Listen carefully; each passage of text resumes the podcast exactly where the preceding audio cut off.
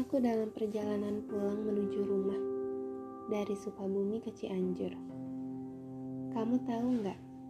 Sepanjang jalan aku cuma senyum-senyum sendiri ketika ngelewatin jalanan dan tempat-tempat yang dulu pernah kita kunjungin waktu pas kencan pertama. Buat ngebangkitin kenangan yang udah tersimpan jauh dalam ingatan, ternyata semudah ini ya. Aku jadi ingat deh awal pertama dulu kita dekat.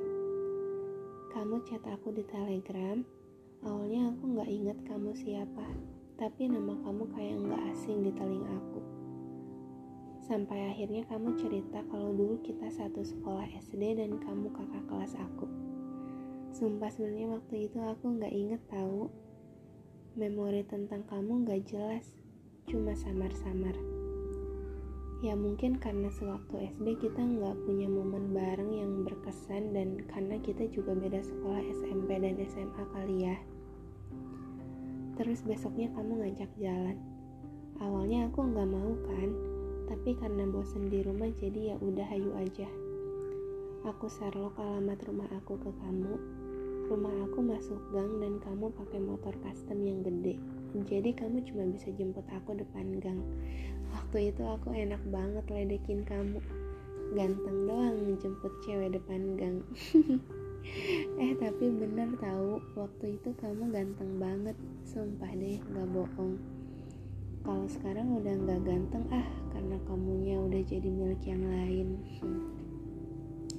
aku benar-benar gak inget dulu kamu waktu pas SD kayak gimana tapi hari itu aku jadi tahu kalau kamu orangnya asik banget Sepanjang perjalanan Cipanas Cianjur, di atas motormu kita saling tukar cerita dan saling tukar tawa. Kamu adalah pendengar yang baik dan juga pembicara yang asik. Hari itu seru banget ya. Keliling kota Cianjur, duduk pinggir jalan sambil jajan roti kukus, neduh di tukang es kelapa, makan bakso Mang Ojo yang murah tapi porsinya banyak, dan nyanyi bareng di atas motor sepanjang jalan pulang. Nggak peduli diliatin banyak orang, yang penting kita seneng. Hari itu kayaknya dunia serasa milik kita berdua ya. Sampai sekarang aku masih penasaran deh.